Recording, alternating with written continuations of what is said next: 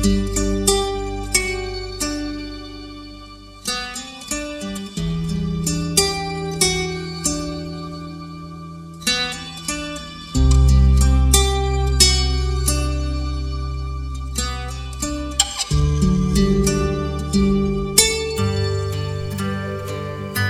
adik-adik, adik-adik gimana keadaannya? Tante harap adik-adik semua tetap dalam keadaan sehat ya. Tetap di rumah ya adik-adik. Hari ini kita mau merenungkan firman Tuhan yang terambil dari Lukas 24 ayat 13 sampai 35. Adik-adik sudah siap? Tetapi sebelum itu kita berdoa dulu yuk. Tuhan, kami bersyukur atas berkat dan kasih-Mu yang Engkau berikan setiap hari. Sebentar lagi kami mau mendengarkan dan merenungkan firman-Mu. Tolong pimpin kami agar kami dapat memahami dan menerapkannya dalam kehidupan kami. Terima kasih Tuhan. Amin. Adik-adik, firman Tuhan hari ini terambil dari Lukas 24 ayat 13 sampai 25. Tante akan bacakan untuk kita semua ya. Pada hari itu juga ada dua orang dari murid-murid Yesus pergi ke sebuah kampung bernama Emmaus yang terletak kira-kira 7 mil jauhnya dari Yerusalem.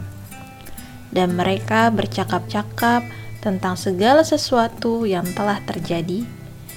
Ketika mereka sedang bercakap-cakap dan bertukar pikiran, datanglah Yesus sendiri mendekati mereka, lalu berjalan bersama-sama dengan mereka. Tetapi ada sesuatu yang menghalangi mata mereka, sehingga mereka tidak dapat mengenal Dia. Yesus berkata kepada mereka, "Apakah yang kamu percakapkan sementara kamu berjalan?" Maka berhentilah mereka dengan muka muram. Seorang dari mereka, namanya Kleopas, menjawabnya, "Adakah engkau satu-satunya orang asing di Yerusalem yang tidak tahu apa yang terjadi di situ pada hari-hari belakangan ini?" Katanya kepada mereka, "Apakah itu?" Jawab mereka, "Apakah yang terjadi dengan Yesus, orang Nazaret? Dia adalah seorang nabi." yang berkuasa dalam pekerjaan dan perkataan di hadapan Allah dan di depan seluruh bangsa kami. Tetapi imam-imam kepala dan pemimpin-pemimpin kami telah menyerahkan dia untuk dihukum mati dan mereka telah menyalibkannya. Padahal kami dahulu mengharapkan bahwa dialah yang datang untuk membebaskan bangsa Israel. Tetapi sementara itu, telah lewat tiga hari sejak semuanya itu terjadi. Tetapi beberapa perempuan dari kalangan kami telah mengejutkan kami. Pagi-pagi buta mereka telah pergi ke kubur dan tidak menemukan mayatnya.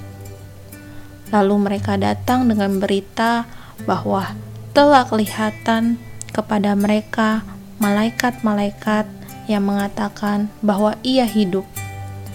Dan beberapa teman kami telah pergi ke kubur itu dan mendapati bahwa memang benar yang dikatakan perempuan-perempuan itu, tetapi dia tidak mereka lihat. Lalu ia berkata kepada mereka, "Hai kamu orang bodoh, betapa lambannya hatimu, sehingga kamu tidak percaya segala sesuatu yang telah dikatakan para nabi. Bukankah Mesias harus menderita semuanya itu untuk masuk ke dalam kemuliaannya? Lalu ia menjelaskan kepada mereka apa yang tertulis tentang dia dalam seluruh kitab suci, mulai dari kitab-kitab Musa dan segala kitab nabi-nabi.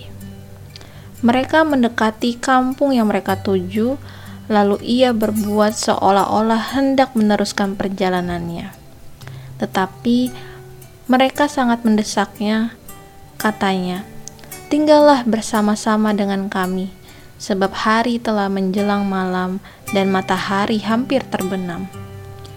Lalu masuklah ia untuk tinggal bersama-sama dengan mereka. Waktu ia duduk makan dengan mereka, ia mengambil roti, mengucap berkat, lalu memecah-mecahkannya dan memberikannya kepada mereka. Ketika itu terbukalah mata mereka, dan mereka pun mengenal dia tetapi ia lenyap dari tengah-tengah mereka. Kata mereka, seorang kepada yang lain, "Bukankah hati kita berkobar-kobar ketika ia berbicara dengan kita di tengah jalan dan ketika ia menerangkan kitab suci kepada kita?" Lalu bangunlah mereka dan terus kembali ke Yerusalem.